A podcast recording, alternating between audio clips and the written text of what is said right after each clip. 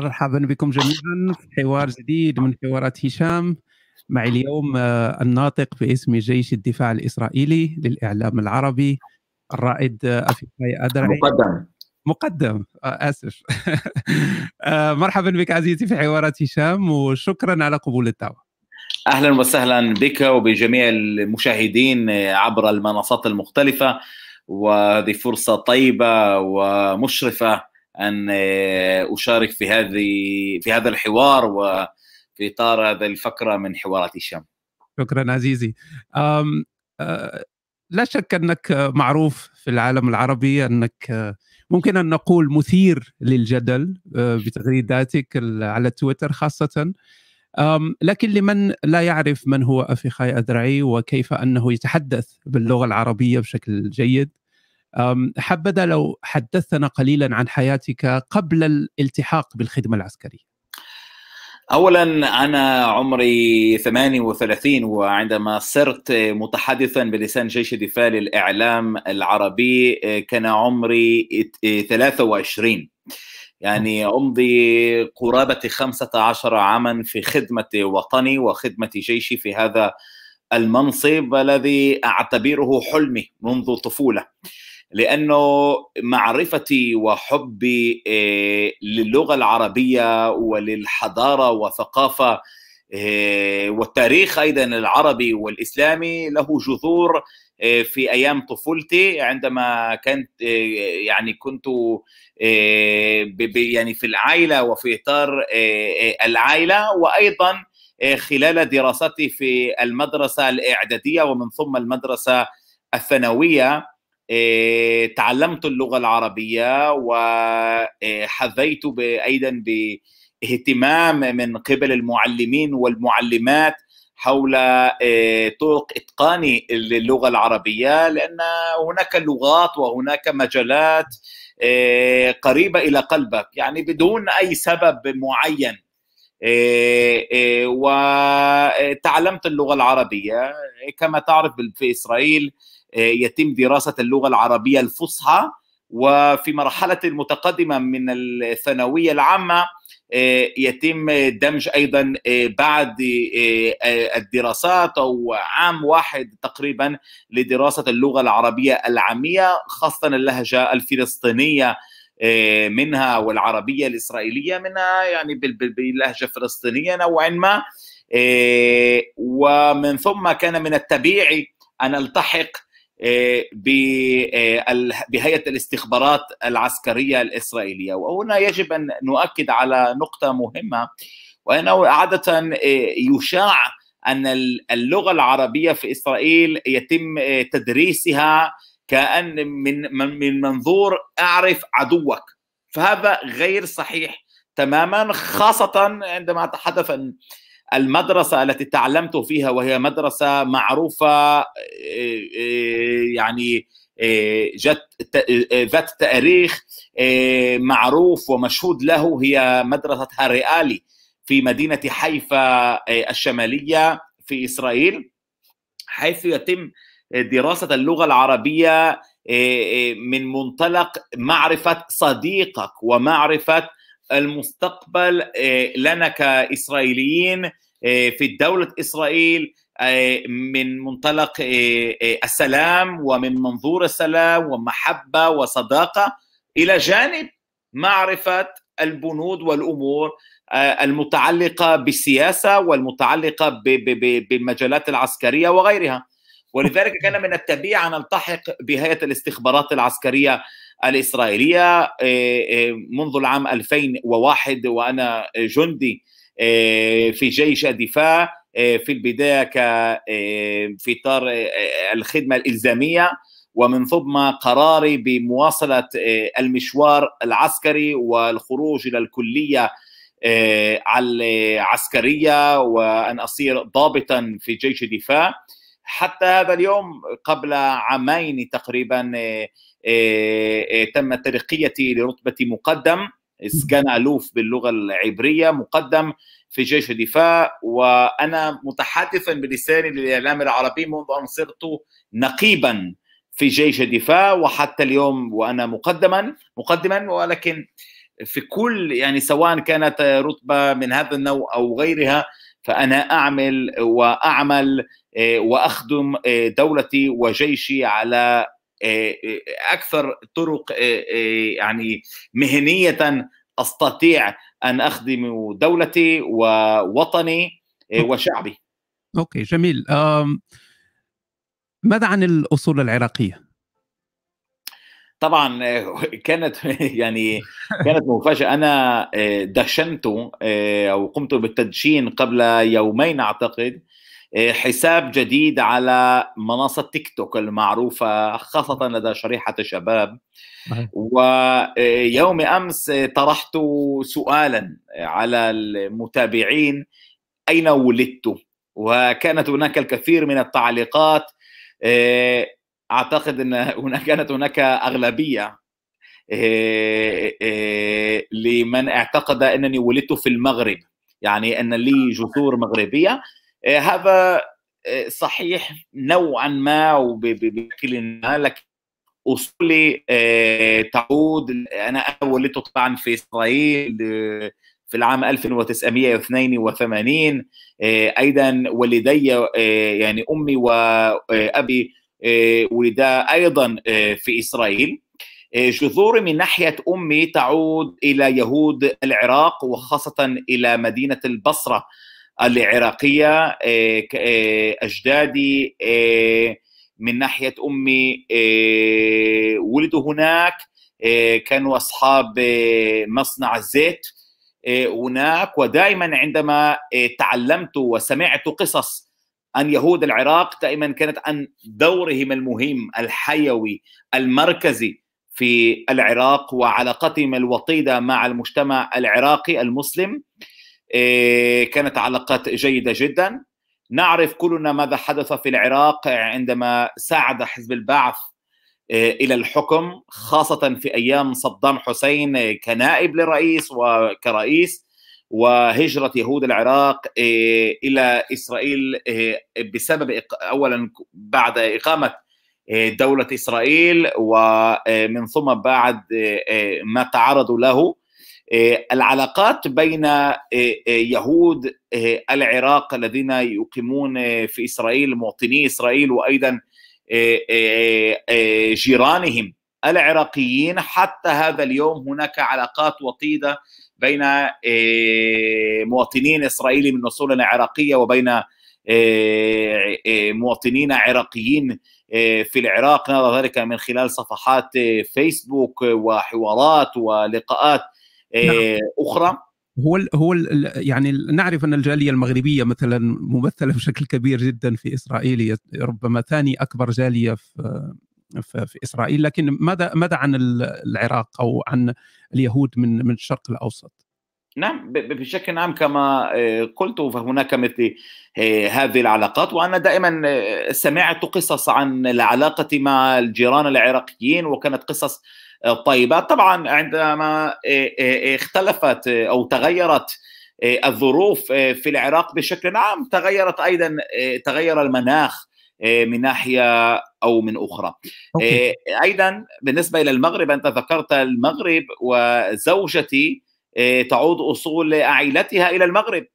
وطبعا ستة المغربية حتى يومنا هذا تروي وتحكينا عن حياتها مع جيرانها المغاربة. ودائما عندما تتحدث عن المغرب تتحدث بمصطلحات إيجابية. ليست هناك ليس هناك مجال للشك يعني عن الحياة في المغرب عن العلاقة مع المجتمع المغربي وعن العلاقات أيضا بين الجالية المغربية التي تعيش اليهود في إسرائيل وأيضا علاقاتهم بالمغرب بشكل عام خاصة يعني الفرحة العارمة التي اجتاحت المجتمع الإسرائيلي مع الإعلان عن السلام قبل أسابيع يعني شعور حر وشعور صادق لمشاعر المواطنين ولمشاعر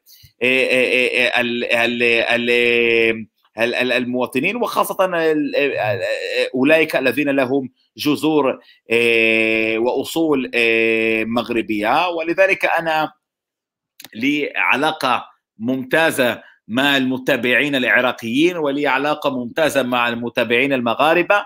وأيضا هناك علاقة ممتازة أنا أعتقد أن الكثير من دول المنطقة. الخليج طبعا الخليج العربي نرى تعليقات ونرى الحوارات ونرى ال ال ال يعني ال رياح السلام الحقيقية التي اجتاحت المنطقة. وأيضا من دول لا تقيم علاقات رسمية وتبعية مع إسرائيل. وحتى يمكن القول إنها تقيم علاقات عداء مع إسرائيل لكن وسائل التواصل الاجتماعي اتاحت لنا الفرصة للحديث والتواصل والحوار مع هذه الشرائح من المجتمع العربي في الدول كثيرة كثيرة كثيرة في كل مكان من الشرق الأوسط وهذه وهذه فرصة جميلة جدا يجب أن نستغلها بكل الطرق الممكنة.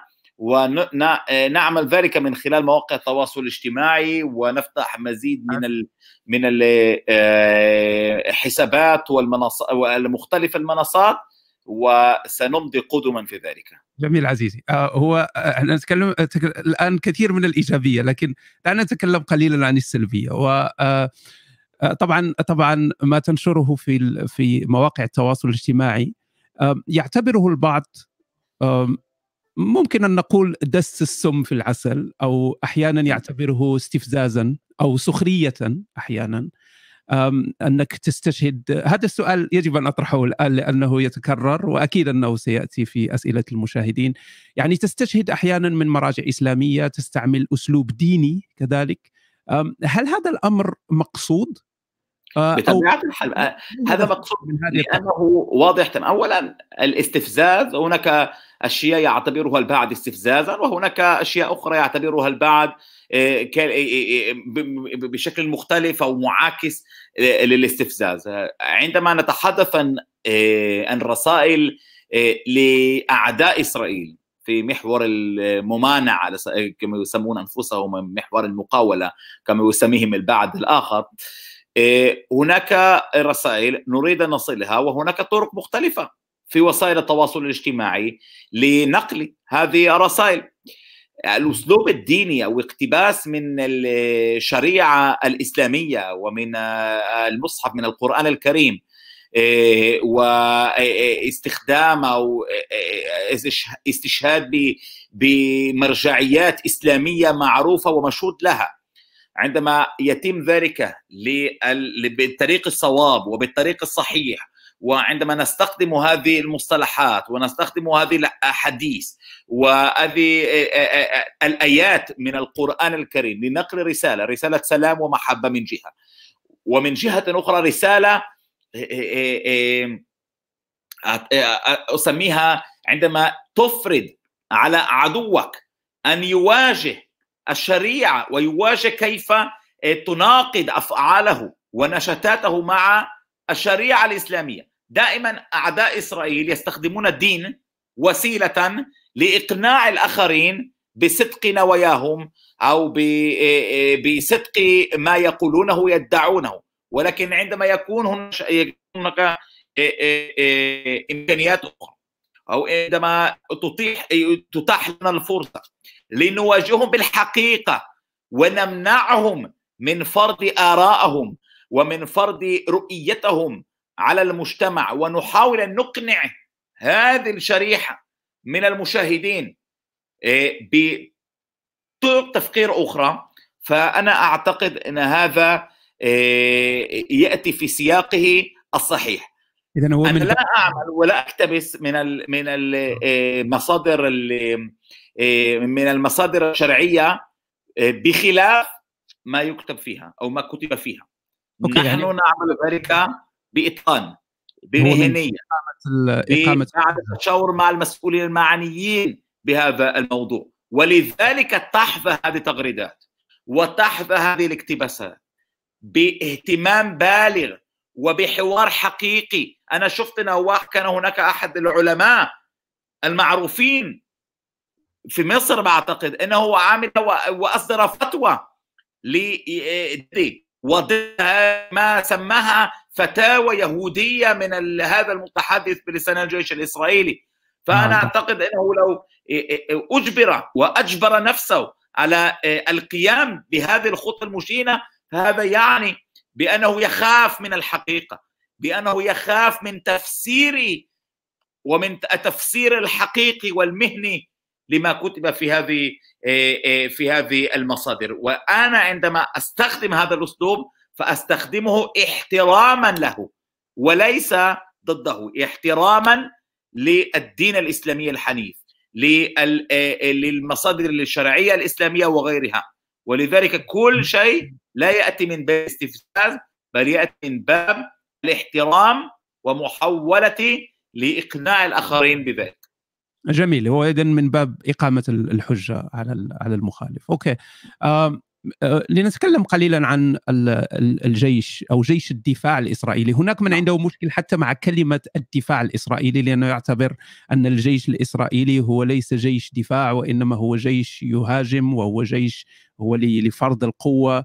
آه، ما هي تركيبة الجيش الإسرائيلي؟ وحدثنا عن مسألة التجنيد الإجباري أن هو للذكور والإناث. آه، لماذا منذ نشأة الجيش الإسرائيلي وهناك تجنيد إجباري للذكور والإناث؟ هل, هل ألم تتغير الأمور قليلا؟ لماذا ما زال هذا التجنيد الإجباري للجنسين؟ أولا أعتقد أن الجيش جيش الدفاع الإسرائيلي هو أفضل مثال لجيش الشعب. وعندما يتكلمون عن جيش الشعب فانظروا إلى جيش الدفاع الإسرائيلي وتروا الشعب الإسرائيلي والمجتمع الإسرائيلي بأفضل صوراته وبأجمل صورته. اولا الجيش الدفاع الإسرائيلي هو جيش دفاع وليس هجوم، ليست هناك حرب إسرائيلية واحدة لم تجبر إسرائيل على القيام بها. لم تكن هناك أي حرب في التاريخ الدولة هذه الدولة أنا آه، عملت فيديو آه، امبارح قلت إن هذه الدولة الصغيرة بمساحتها ولكن الكبيرة بإنجازاتها وكبريائها وعزتها وأيضا قوتها منذ العام 1948 وهي حرب الاستقلال التي فرضت على إسرائيل، إسرائيل قابلت بالقرارات الدولية ولكن فرضت عليها الحرب من الجيوش العربية وانتصرت فيها إسرائيل. وكل الحروب التي طالت هذه الحرب حرب الاستقلال كانت حروب أجبرت إسرائيل أو فرضت على إسرائيل حتى في حرب الأيام الستة وحرب 1967 نحن نسميها في إسرائيل حرب الأيام الستة فرضت الإسرائيل. يعني كانت حرب بدأتها إسرائيل لأنه لو انتظرت ففر فكان الأعداء يفاجئونها بحرب وأخذت إسرائيل زمام المبادرة. ولكن فرضت يعني كل الظروف وكل الأعداء عملوا ما عملوا آه، لبدء واطلاق الحرب على إسرائيل. كل هذه الحروب ولذلك جيش الدفاع الإسرائيلي دافع. ليست لنا اطماع بأي من من جيراننا. آه، وكل أعمالنا هي من أجل إبعاد الحرب. يعني كل أعمالنا التي نجريها ونعملها ونقيمها هي لكي نبعد الحرب المقبلة. لا نريد الحرب. نريد الدفاع عن أمننا. نريد الدفاع عن حدودنا. نريد الدفاع عن مواطنينا. ولذلك نحن جيش دفاع. نحن أوكي. جيش دفاع ولكننا نستخدم الهجوم والأعمال الهجومية في إطار هذا الدفاع. لن نبقى مكتوفي الأيدي لمن يريد أن يعتدي علينا. لا هذا لن لا يحدث لن يحدث ابدا.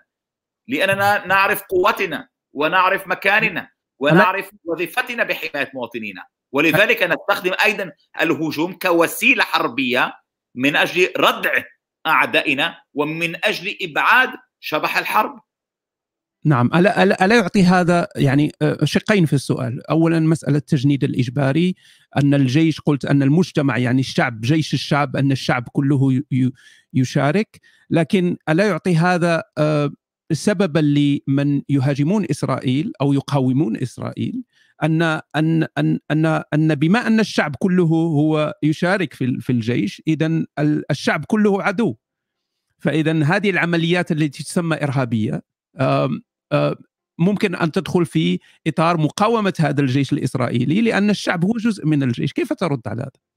اولا هذه الشعارات الفاغرة التي دائما نسمعها من قبل أعداء السلام ومن قبل من يستخدم هذه الشعارات لكي يبقي يعني يحاول أن يبرر شرعيته أو شرعية عمله. دائما نسمعها من تنظيمات المقاولة أوكي؟ ليست مقاومة بل مقاولة. لأن المقاومة أو يعني حتى لو رجعنا إلى المرجعيات هذه الكلمة فلا فكل هذه التنظيمات التي تستخدم العمليات الانتحارية والإرهاب والصواريخ الموجهه للمدنيين ليست مقاومة بل إرهاب بكل معنى الكلمة وبكل يعني بأي قاموس تستخدمه بأي لغة فالتصنيف هذه الأعمال هي كإرهاب فقط لا غير. لكن عندما تتحدث عن التجنيد الإجباري فهذا يأتي من باب جيش الشعب. بأي معنى؟ لأن كل واحد منا يعني في هذه الدولة الدولة الصغيرة المحيطة بالأعداء يعني هناك الحمد لله اتفاقات سلام والحمد لله انفتح وتوسعت دائرة السلام في المنطقة في في العام الأخير. ولكن هناك أعضاء يتربصون لأمن إسرائيل على الجبهات المختلفة. ويجب أن نبقى مستعدين يعني انظروا إلى إسرائيل انظروا إلى إسرائيل انظروا إلى إنجازاتها انظروا إلى اقتصادها إلى ثقافاتها إلى كل يعني تطورها العلمي. والأكاديمي يعني شوفوا هذه هذه الدولة الصغيرة وكم جاءت للعالم بإنجازات جاءت للعالم بمكتسبات نعم. بالتطوير والتقدم نعم. وانظروا إليها بل... بل... وأنا أقول إنه دور كل واحد منا في المجتمع الإسرائيلي أن يعطي أو يخدم في الجيش الإسرائيلي وفي جيش الدفاع الإسرائيلي اولا لأنه يحمي بيته يعني كل واحد منا يحمي أهله وبيته ولكل واحد منا دور يجي دوره هذا دورنا.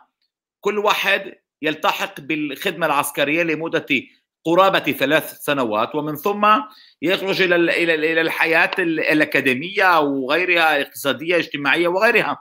لكن هذا دورنا وهو ذا واجبنا أن نخدم الجيش الإسرائيلي. الجيش الإسرائيلي نعم. هو الجيش الذي يدمج بين كل الفئات وكل شرائح المجتمع الإسرائيلي. أنت تدخل إلى الجيش بشكل واحد وتخرج منه بشكل آخر. هناك الكثير من الوظائف القتالية وغيرها القتالية هي الأهم طبعا لأنه جيش ويجب أن نحمي حدودنا ومواطنيها. ولكن هناك أدوار أخرى للجيش خاصة في إسرائيل كدولة مثل إسرائيل. هناك شرائح في المجتمع الإسرائيلي غير مجبورة على الخدمة العسكرية. نحن نتطلع أن يشارك الكثير في هذه الخدمة العسكرية. ولكن هناك شرائح في المجتمع الإسرائيلي يبقى تبقى الخدمة العسكرية لها تطوعية على سبيل المثال هناك زيادة ملحوظة في عدد المسلمين الذين ينخرطون في جيش الدفاع الإسرائيلي في العام الأخير. نعم نسبة كبيرة من المسلمين ينخرطون في الجيش الإسرائيلي وهذا جيد جدا لأنهم يعلمون أن الطريق إلى كونك مواطن متكامل هو عبر الخدمة المدنية أو الخدمة العسكرية. أن تعطي من نفسك للدولة أن تحمي هذه الدولة. أنت تحمي ليس فقط الدولة بشكلها الرسمي تحمي أهلك وتحمي أجدادك وتحمي العائلة بشكل عام والقرية والبلدة والمدينة. تحمي هذا الإنجاز الكبير المسمى إسرائيل. ماذا عن مسألة أنت تكلمت عن صواريخ يعني الحماس أو تكلمت عن يعني مسألة القوة في في المجال العسكري الإسرائيلي. هو غالبا يعني هناك أفكار تتبادر إلى الذهن عندما نسمع عن الجيش الإسرائيلي وهي مسألة القوة. دائما تتكرر أن هل هل هذه القوة قوة إسرائيل هل هي مرتبطة بقوة الحلفاء يعني حلفاء إسرائيل على رأسهم أمريكا ام أم الجيش الإسرائيلي هو قوي بذاته؟ هل هو قوي بذاته أم قوي بحلفائه؟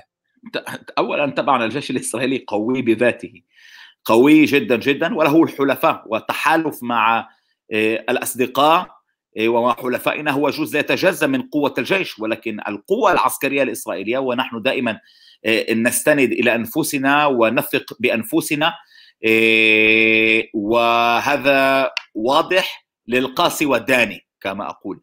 ليس هناك شك بقوة إسرائيل بعظمة إسرائيل وبقدرة الجيش الإسرائيلي والأجهزة الأمنية الإسرائيلية الأخرى. وأنا لا أقول ذلك. إسرائيل ليست دولة عسكرية. لنكون واضحين بالموضوع. يعني هناك دائما مقولات وشعارات تقول إسرائيل دولة عسكر أنت اقتبست من بعد هذه المقولات. قلت آه، دائما يقولون إن كلكم عسكر وكلكم إسرائيلي عندما تقول إن كلكم آه، آه، يعني الجيش والشعب جيش الشعب وإلى آخره فهذا يعطي مبررا لهؤلاء. لا لا. إسرائيل دولة متقدمة. إسرائيل ليست صحراء. يعني بي بي بي دايما بالغرب بيقول له أنتم صحراء يعني ما في أي شيء عندكم. لا. إسرائيل متقدمة جدا جدا جدا. إسرائيل من من من الدول الرائدة في المجال العلمي والأكاديمي والرياضي وغيرها.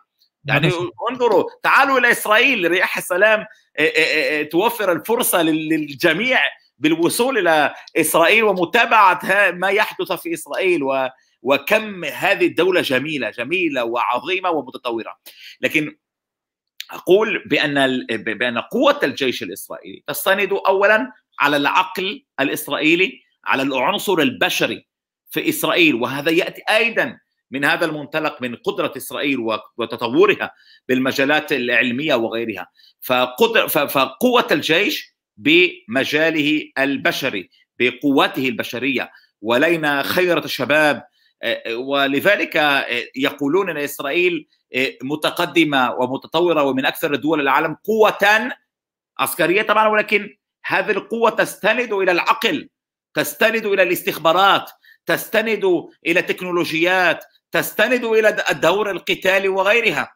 ولذلك أنا أعتقد أن نحن مثل وقدوة للكثير من الدول لتتعلم منا ولذلك ترى أنه حتى في العام الأخير توسيع آه، آه، آه، مجالات التي تبادل فيها جيش الدفاع الإسرائيلي مع حلفائه ومع أصدقائه الآراء والخبرات بمجالات مختلفة. نعم ممكن أن نتحدث عن ذلك لكن أود أن إذا إذا سمحت أن نتكلم قليلا عن آه هذه التغييرات الأخيرة الإيجابية آه للبعض والسيئه للبعض الآخر هي مسألة التطبيع مسألة العلاقات السلمية والدبلوماسية مع عدة دول عربية. آه هل سيكون لهذا التطبيع أو هذا هذه العلاقات الجديدة هل سيكون لها تأثير على أولويات الجيش الإسرائيلي لأن دولة محاطة بالأعداء وتعتبر نفسها يعني مهاجمة دائما. سيختلف الأمر أكيد إذا كانت هذه دول الجوار عندها علاقات دبلوماسية وعلاقات سلمية مع إسرائيل. هل سيتغير شيء في تعامل الجيش الإسرائيلي مع الوضع اولا الدول التي آه، وقعت إسرائيل آه، معها اتفاق سلام وانتهت فيها حالة العداله وكانت آه، في حالة عداء معها. بطبيعه الحال ستعطي ثمارها أيضا بهذه المجالات. ولكن أعداء إسرائيل الحقيقيين أو أعداء إسرائيل المركزيين ليست بهذه الدول هم اولا جيوش الإرهاب التي تحدثت عنها بمصطلحات مختلفة. آه، قبل قليل ولكنها جيوش إرهابية. آه، هنا أقصد حماس في غزة وهنا أقصد آه، حزب الله في لبنان. وعلى رأس كل ذلك مصدر التهديد أو مصدر الإرهاب العالمي إيران طبعا. وهي مصدر عدم الاستقرار في العالم ومصدر عدم الاستقرار الإقليمي.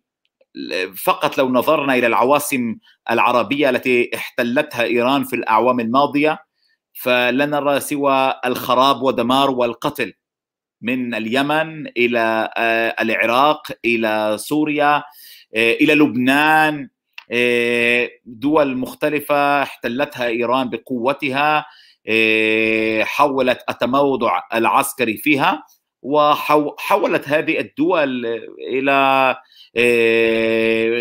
زرعت فيها الخراب ودمار. ولذلك نرى أن محاولة إيران فرض أو إقامة قواعد عسكرية لها على حدود إسرائيل آه، تهديد لنا ولا نقبله. ولذلك ترون أن هناك عمليات عسكرية إسرائيلية على سبيل المثال في سوريا آه، نتبناها ونقول علنا أن إسرائيل تعمل ضد التموضع الإيراني في سوريا وفي هناك لأن لن نقبل لن نقبل أن تكون إيران حاضرة على حدودنا. لا نقبل أن تشكل تهديد أو تستخدم هذه المناطق منطلقا آه، للتهديدات ضدنا ولذلك نعمل آه، هناك ونعمل بقوة عندما آه، لازم الأمر وفي طرق أخرى عندما لازم الأمر أيضا. على, على ذكر على ذكر إيران على ذكر إيران يعني هناك تعاون رسمي وغير رسمي في المجال العسكري مع عدة دول عربية وذكرت الإمارات مثلا كان غير رسمي الآن أصبح رسمي. هل هل هل هذا يعني أن إسرائيل تحولت من كونها هي العدو المشترك للدول العربية إلى حليف ضد عدو مشترك جديد الذي هو إيران؟ أنا أعتقد أن إسرائيل يعني لم تكن هناك حاجة أن تكون إسرائيل عدو لهذه الدول للدول العربية.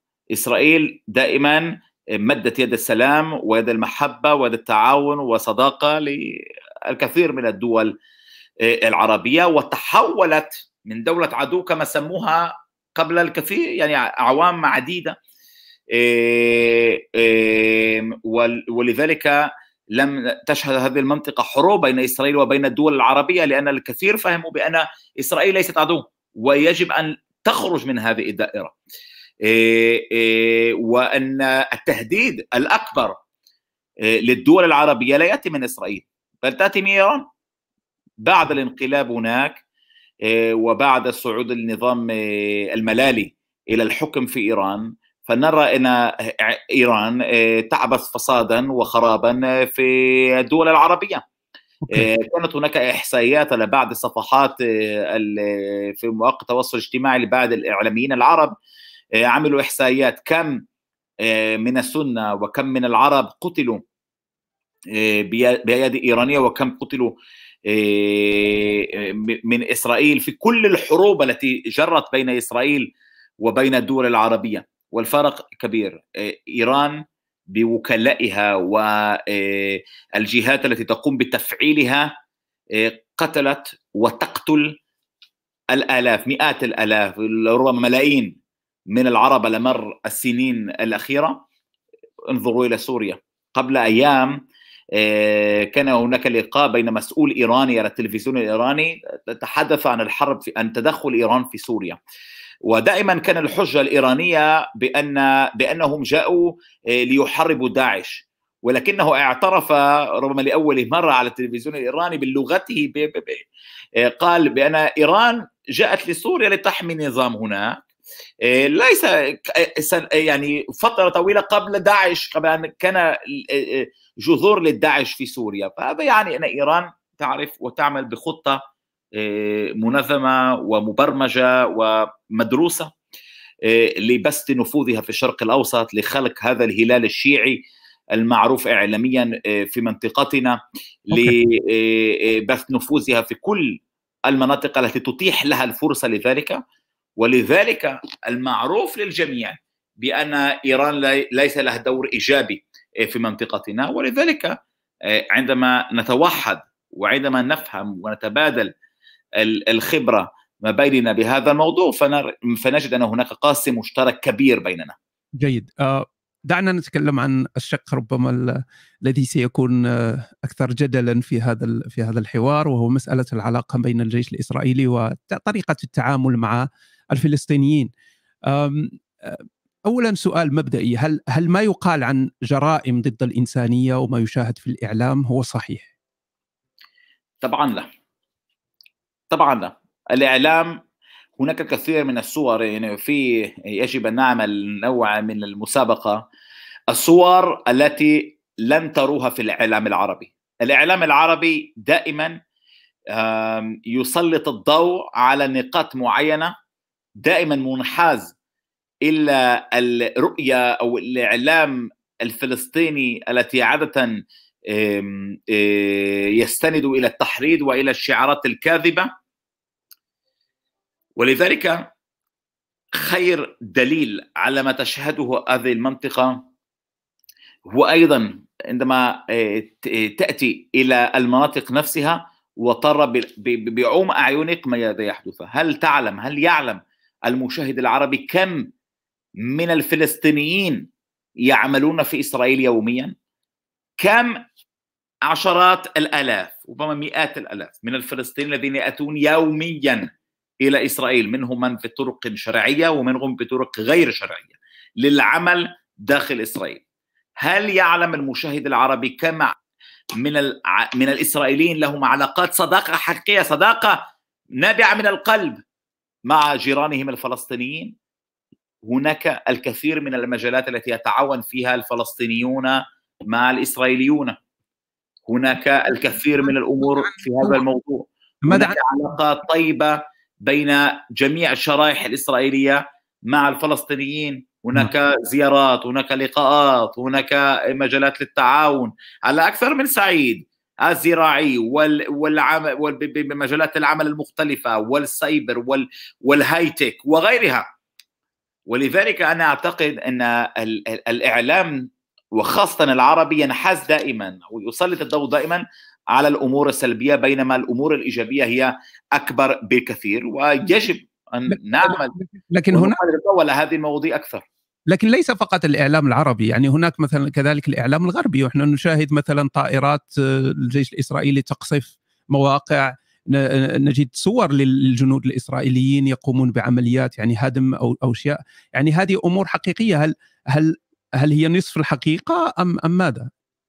اولا أعتقد أن الإيجابيات هي أكبر بكثير ولكن هذا لا أنا لا أغفل ولا أتجاهل الأمور العسكرية التي تحدث من حين إلى آخر آه، في الجبهتين المختلفتين مع الفلسطينيين. اولا جبهة قطاع غزة. وكما يعرف المشاهد ولو لم يعرف يذهب إلى ال ال ال ال ال الكتب وإلى الدراسات ويفحص على الإنترنت. أن إسرائيل نفذت في العام 2005 خطة فك الارتباط من قطاع غزة. خرجت انسحبت. خرجت من قطاع غزة. يعني بقي قطاع غزة بأياد فلسطينية. البحر والبر والكل والحدود وغيرها. لكن انقلبت حماس على شرعية أو على السلطة الفلسطينية لا أعرف. يعني انقلبت يعني كان هناك انقلاب دموي لحماس على آه، المنافس الأكبر لها وهي حركة فتح. وحماس معروفه أيضا عربيا بأنها منظمة إرهابية انقلبت على الأمور أخذت كل الأمور على سيطرتها والسؤال يطرح الإسرائيلي ماذا أنتم لا تسمحون للفلسطينيين في قطاع غزة أن يعملوا ما يشاءون وهناك منظمة إرهابية؟ منظمة إرهابية معترف بها دوليا وعربيا أيضا في الكثير من الدول بأنها منظمة إرهابية تعمل يعني هي جارتنا والآن يعني كيف ندير الأمور معها؟ لكن كانوا لم إسرائيل لم تنفذ عملية عسكرية واحدة أمنية واحدة في قطاع غزة منذ انسحابها ولكن فرضت عليها هذه الأعمال.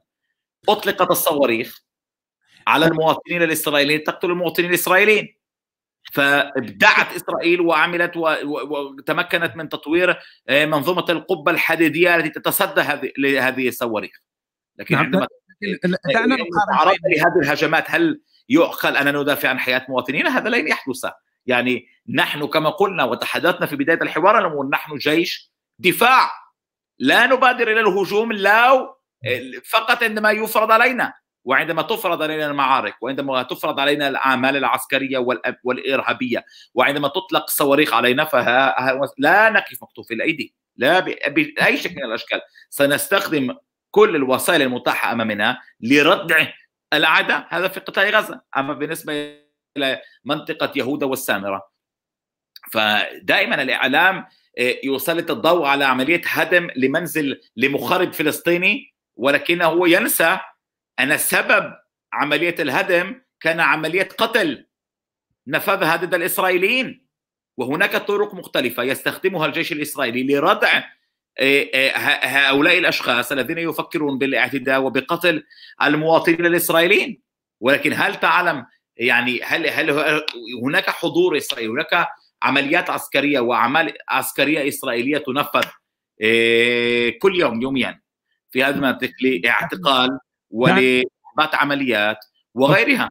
وهذا دورنا أيضا يعني ندافع عن يعني هذه الأعمال تأتي من منطلق دفاعي. أنا لا أريد أن أتحدث عن سياسة بشكل عام لأنني أكيد أكيد. لكن لكن لكن لكن فقط مسألة آه، يعني أنت تحب الاستشهاد بالنصوص الإسلامية ونقول ولا تزر وازره وزر أخرى. فمثلا عندما يقوم فلسطيني بعمل ضد الإسرائيليين كما ذكرت آه، تتم معاقبة العائلة. يعني هدم المنازل. أليس من المفترض أن يعاقب هو فقط؟ أليس هذا أكثر آه، إنسانية أكثر شرعية أن تحاسب المتهم ولا تحاسب العشيرة؟ اولا يعني هذه المسألة مسألة مهمة جدا. آه، ودائما إنه يعني هناك طريقتين مختلفتين للنظر بهذا الموضوع. اولا المخرب أو المنفذ من نفذ الاعتداء. فدائما نت... نستخدم كل الطرق القانونية المعروفة لمعاقبته. كل واحد. لكن هناك طرق أخرى وهناك وسائل أخرى وطريقه وتف... تفكير أخرى. كيف نردع هؤلاء؟ كيف نردع المخرب المقبل الذي يفكر عن القيام وارتكاب هذه الأعمال الإرهابية؟ فعلينا أن نفحص هذه الطرق. ولكن ليس هناك يعني عندما والقرار الذي آه، حظي أيضا آه، بدراسة قانونية وقضائية وغيرها يعني الجيش الإسرائيلي يعني إسرائيل دولة قانون. ليس هناك آه، الجيش لا يستطيع أن يعمل يقول أنا بدي أن أقوم بهدم منزل في هذه المنطقة وغيرها. يعني دون مراقبة آه، قضائية ودون الحق للعائله بتقديم الالتماس إلى محكمة العدل آه، العليا في إسرائيل وغيرها. هذا واضح تماما لنا كعسكريين ومعروف أيضا وواضح أيضا في إسرائيل وهناك حالات التي آه، ترفض المحكمة مبررات الجيش وغيرها. لكن هناك طرق ينتهجها الجيش لردع لردع وعندما يتم التفكير أو عندما هناك فكرة بأن مثل هذه الخطوات التي تتخذ تردع المخربين المقبلين فأنا أعتقد أنها يعطي حجة آه، ومبرر آه، للجيش آه، للقيام بها. طبعا الهدم يأتي للمنطقة التي استخدمها ومكث فيها المخرب. لا نعاقب الأعلى أو لا نفرض عقاب جماعي كما يدعي البعض فهذا غير صحيح على الإطلاق. أوكي آه، دعنا نتحدث عن الظروف التي غيرت الكثير وهي ظروف جائحة كورونا التي أثرت بشكل كبير على العالم بأسره لكن نتكلم عن آه، المنطقة أو آه، عن إسرائيل وعن كذلك الفلسطينيين ومما يعاب على ما حدث اليوم نعرف أن الجيش له دور في في المساعدة في في جائحة كورونا في جميع الدول كذلك في إسرائيل لكن الواضح أن الفلسطين الفلسطينيون تضرروا أكثر. يعني هناك حصار على قطاع غزة في التنقل مثلا لا يستطيع الفلسطيني بكل سهولة أن يذهب للمعالجة. في مسألة اللقاحات كذلك يعاب على أن الإسرائيليين يأخذون اللقاح بكل سهولة بينما الفلسطينيون ليس لهم هذا ليس لهم نفس الإمكانيات. لماذا هذا هذه الازدواجية في التعامل؟ يعني مع الإسرائيليين من جانب جيد ومع الفلسطينيين يعني اصبح أصبحت غزة مثل سجن الآن مرة أخرى. اولا يعني هذا النوع يعني أعتقد إنه أفضل آه، طريق للإجابة هي الأولويات سلم الأولويات عندما تتخذ الحكومة الإسرائيلية أن في في رأس سلم اولوياتها توفير اللقاح للمواطنين الإسرائيليين أن يعمل الجيش الإسرائيلي يتدخل من أجل مساعدة الفقراء والشرائح المجتمعية وعندما تتخذ إجراءات من هذا النوع فهذا ينفذ. أنا لا أعرف ما هي سلم الأولويات في الطرف الثاني ولكن أنا أعتقد عندما يتم حفر الأنفاق ويتم تصليح ويتم شراء القذائف الصاروخية وتطوير القذائف الصاروخية بدل من مساعدة الناس فهذا سلم اولوياتها أنا لست آه، مجبورا على مساعدتك وأنت تعتدي علي آه، وعلينا أن نذكر أن هناك جنود إسرائيليين آه، قتلوا في الحرب الأخيرة في غزة وزالت جثامينهم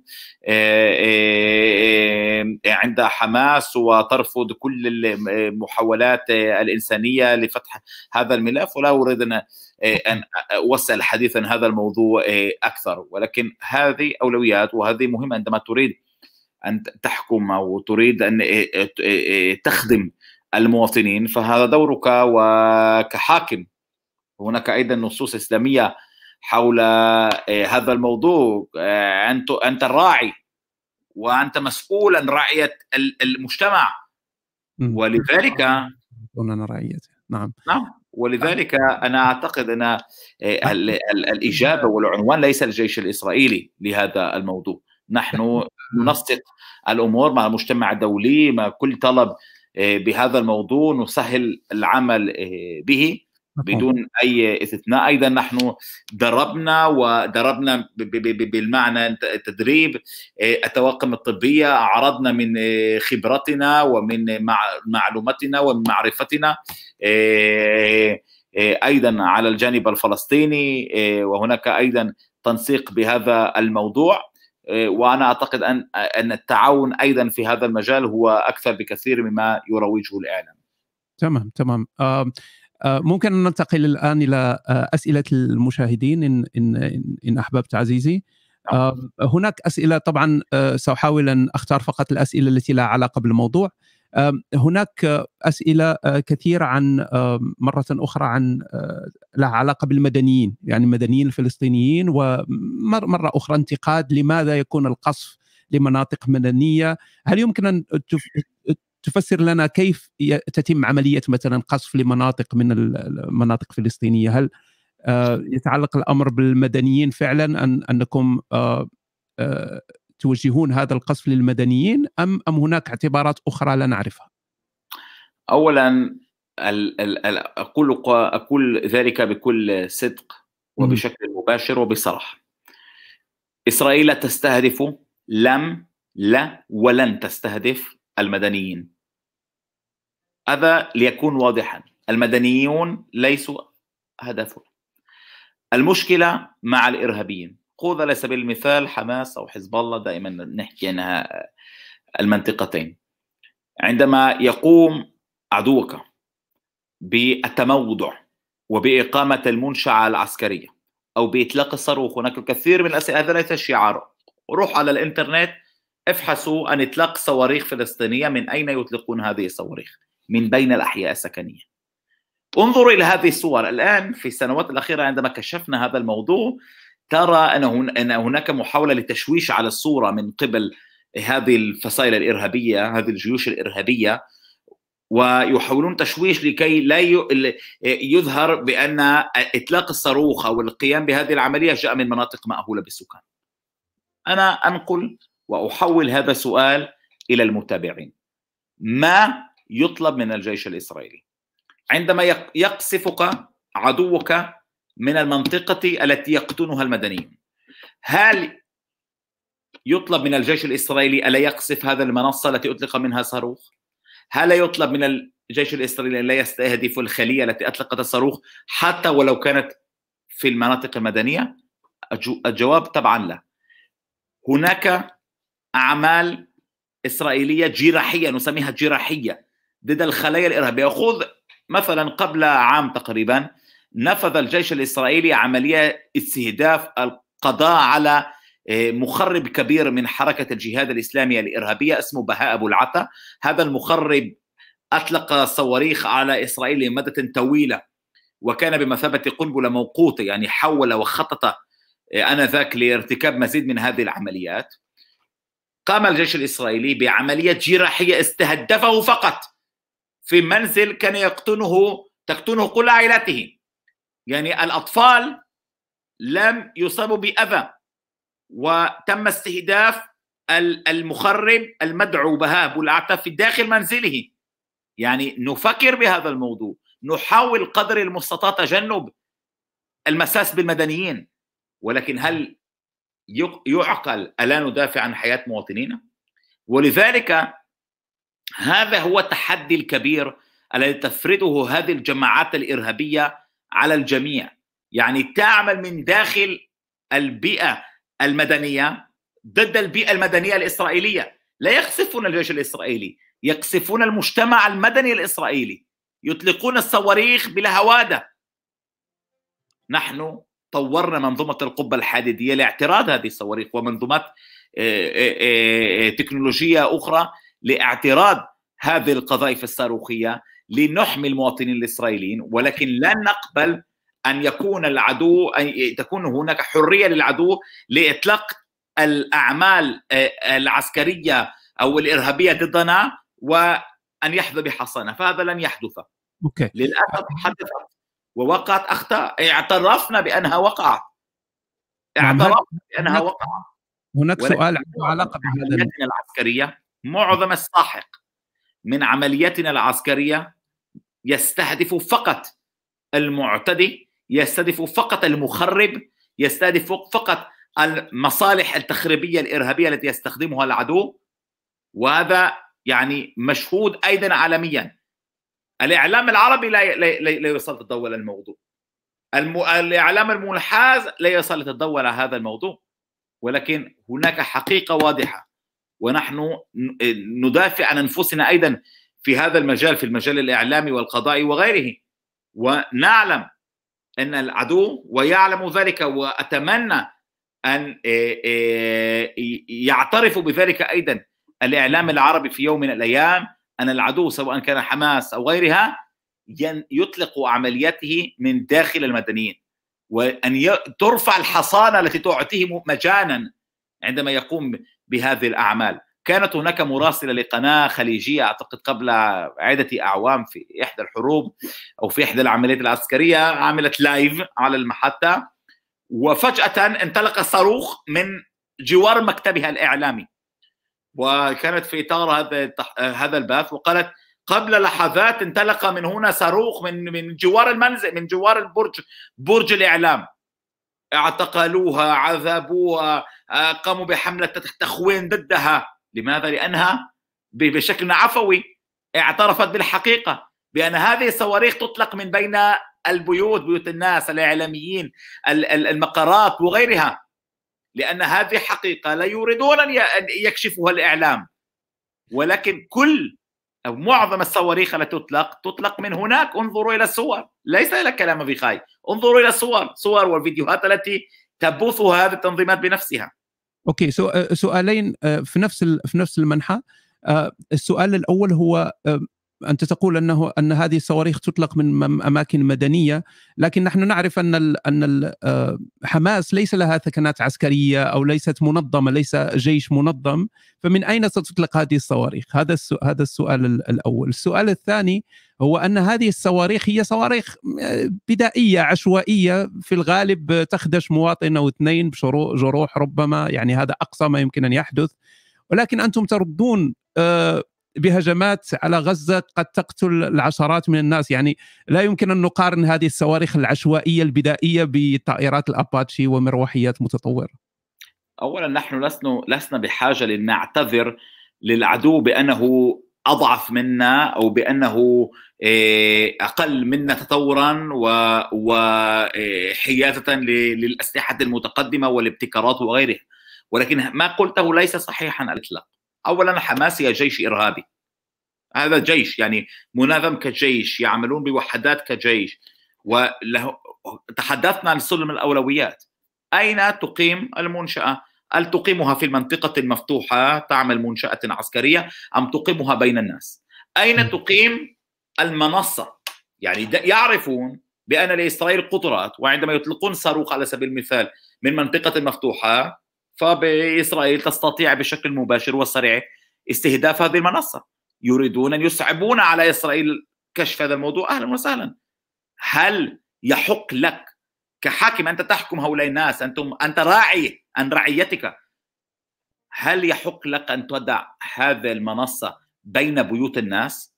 هل تعرف كم من الفلسطينيين سكان قطاع غزة قتلوا وانجرحوا جرى سقوط صواريخ داعشة من النوع الذي تحدثت عنه على منازل الفلسطينيين أطلقوهم أطلقوها أرادوا أن يصبوا الاسرائيلي ولكن سقطت خطا على منزل فلسطيني وقتلوا الأطفال ونساء. هناك هناك قصص من هذا النوع يعرضها الإعلام وقصص تخفى عن الإعلام.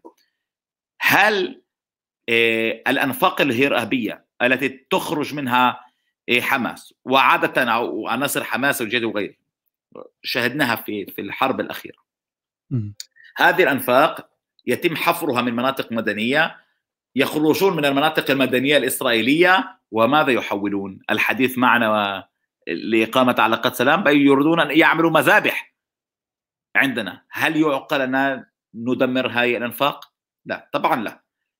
هل يتوقع منا أن ننتظر أن يهاجمونا لكي نرد؟ لا هذه الصو... يعني ودائما يقولون هذه صواريخ تائشة وهذه صواريخ بدايه لا هذه الصواريخ محملة بمتفجرات بكميات كبيرة وتستهدف من يطلقها يريد أن يقتل إسرائيليين وقتل الكثير من الإسرائيليين جرى ونتيجة هذه القذائف الصاروخية. ولذلك طورنا هذه القبة الحديديه ولذلك نحاول اعتراض هذه الصواريخ بنسبة نجاح عالية جدا. يعني العالم يشتري منا هذه هذه المنظومة الابتكارية. هناك محاولات للمساس بالمواطنين هناك محاولات لقتل المواطنين الإسرائيليين. هناك جبهة داخلية في إسرائيل هناك الجيش يقوم بوضع إنذارات وبتكنولوجيات وبتكنولوجيا طيران صواريخ وغيرها.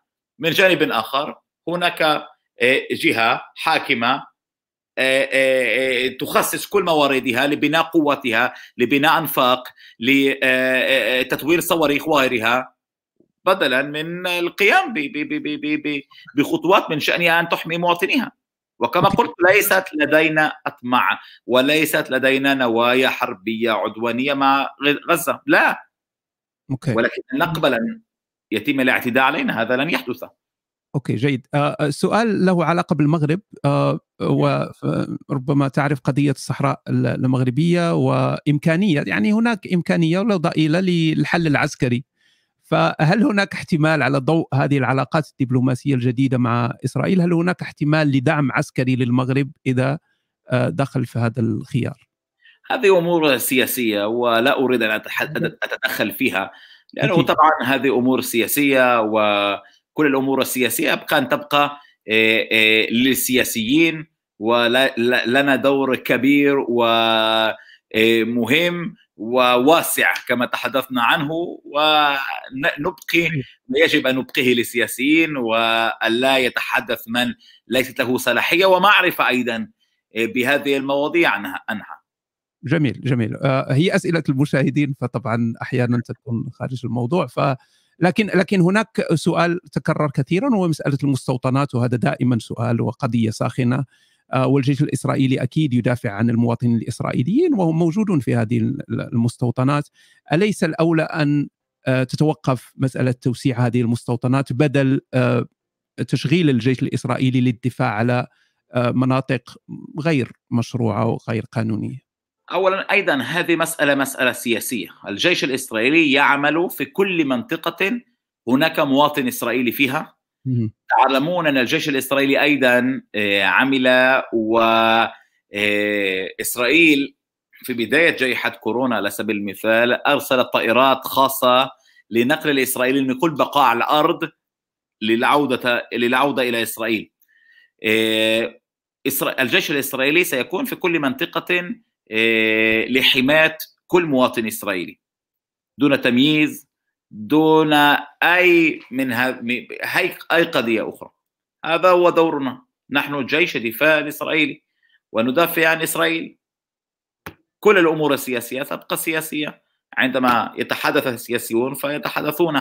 لا نتدخل بشأن سياسي.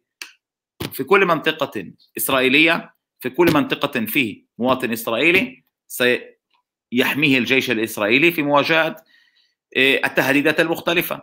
هل آه، آه، يعني الهجمات أو الإرهاب أو الاعتداء دائما موجودة في كل في كل منطقة وهناك اعتداءات وهجمات ينفذها فلسطينيون في مناطق يقولون إنها مستوطنات وفي مناطق أخرى يقولون آه، إنها ليست مستوطنات وليس هناك جدل حولها وغيرها لأن الإرهاب يبحث دائما عن ذراعه والارهابي يحاول أن يعتدي في كل فرصة تسنح له. ولذلك نحن في جيش الدفاع الإسرائيلي سنبقى بالمرصاد لكل محاولة للاعتداء على المواطنين الإسرائيليين في كل الطرق المختلفة. آه، من الإرهاب الشعبي إلى الإرهاب المنظم إلى الانتحار وغيرها ولذلك سنبقى سنبقى ندافع عن المواطنين الإسرائيليين. أوكي آخر سؤال آه، فيما يتعلق ب لو حدث وقامت آه، دولة فلسطينية بجوار دولة إسرائيل يعني حل الدولتين هل سيكون هناك تعاون عسكري مثل ما هو ما هو موجود الآن مع عدة دول عربية أم ستكون دولة دولة جوار عدوة؟ اولا أنا لا أنا طبعا هذه أمور أيضا سياسية وأنا لا أعرف كيف أتحدث عنها لأني لا أعرف ماذا يحدث ماذا سيحدث وما ما يحدث أنا أقول أقوله بشكل واضح العلاقات والتنسيق مع الفلسطينيين حتى في يومنا هذا جيد جدا.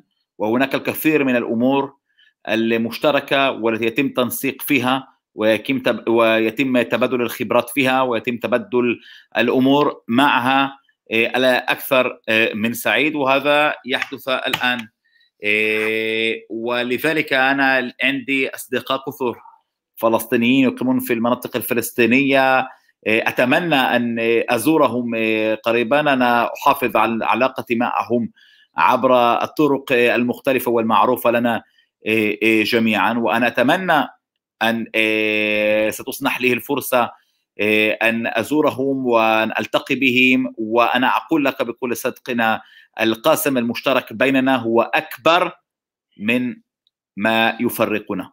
وهذا صحيح للفلسطينيين وأيضا لجيراننا العرب في كل مكان. من شرقنا الحبيب من منطقة الشرق الأوسط.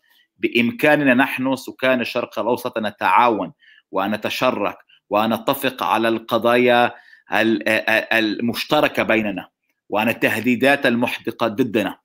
ولنا أمور مشتركة كثيرة ومصالح مشتركة كثيرة ومحبة واحدة وإيمان واحد. ولدينا أمور تجعلنا حلفاء وتجعلنا أصدقاء وأنا أتمنى أن يتوسع السلام وأن تتوسع رياح السلام في منطقتنا وأن تشمل مزيد من الدول والتي تعترف بحقيقة واحدة أن إسرائيل جزء لا يتجزأ من هذا المنطقة ونحن الإسرائيليين جزء لا يتجزأ من هذه المنطقة ونحن أناس يريدون إقامة السلام معكم والعلاقات معكم وصداقة معكم وليس لدينا مشكلة ومشاكل ما بيننا وان القاسم كما قلت القاسم المشترك بيننا كبير كبير جدا. شكرا عزيزي. وصلنا إلى نهاية اللقاء. أشكرك مرة أخرى جزيل الشكر على قبول الدعوة وعلى وقتك ورحابة صدرك. إن أحببت أن تقدم كلمة أخيرة للمشاهدين تفضل. أنا قلتها قبل قليل وأنا أتمنى أن أنا أشارك في مزيد من هذه اللقاءات وهذه اللقاءات وهذه ال ال ال الأسئلة القاسية وصعبة تطرح علينا أيضا. هي جزء لا يتجزأ من الطريق للوصول اولا إلى الحقيقة وإلى المعرفة وان تتوسع المعرفة لدى الجماهير حول حقيقة الجيش الدفاع الإسرائيلي دولة إسرائيل أن يتابعوا حساباتنا طبعا على كل المنصات الحديثة هي تيك توك وكن فيسبوك وتويتر وإنستغرام وغيرها أن نتبادل مع بعضنا البعض الأسئلة والأجوبة. وأنا أعتقد وأنا مقتنع بأننا سنشهد المزيد من هذه الإنجازات وأن تتوسع خبرة ومعرفة المجتمع العربي وفي الدول العربية حول حقيقة إسرائيل والحقائق عن إسرائيل وهذا فقط سيظهر القاسم المشترك الذي تحدثت عنه الكبير كبير جدا بيننا. جميل. شكرا عزيزي وشكرا لكل من تابع المباشر. تحياتي للجميع وإلى لقاء جديد في حوار حوارات هشام تحياتي. تحياتي.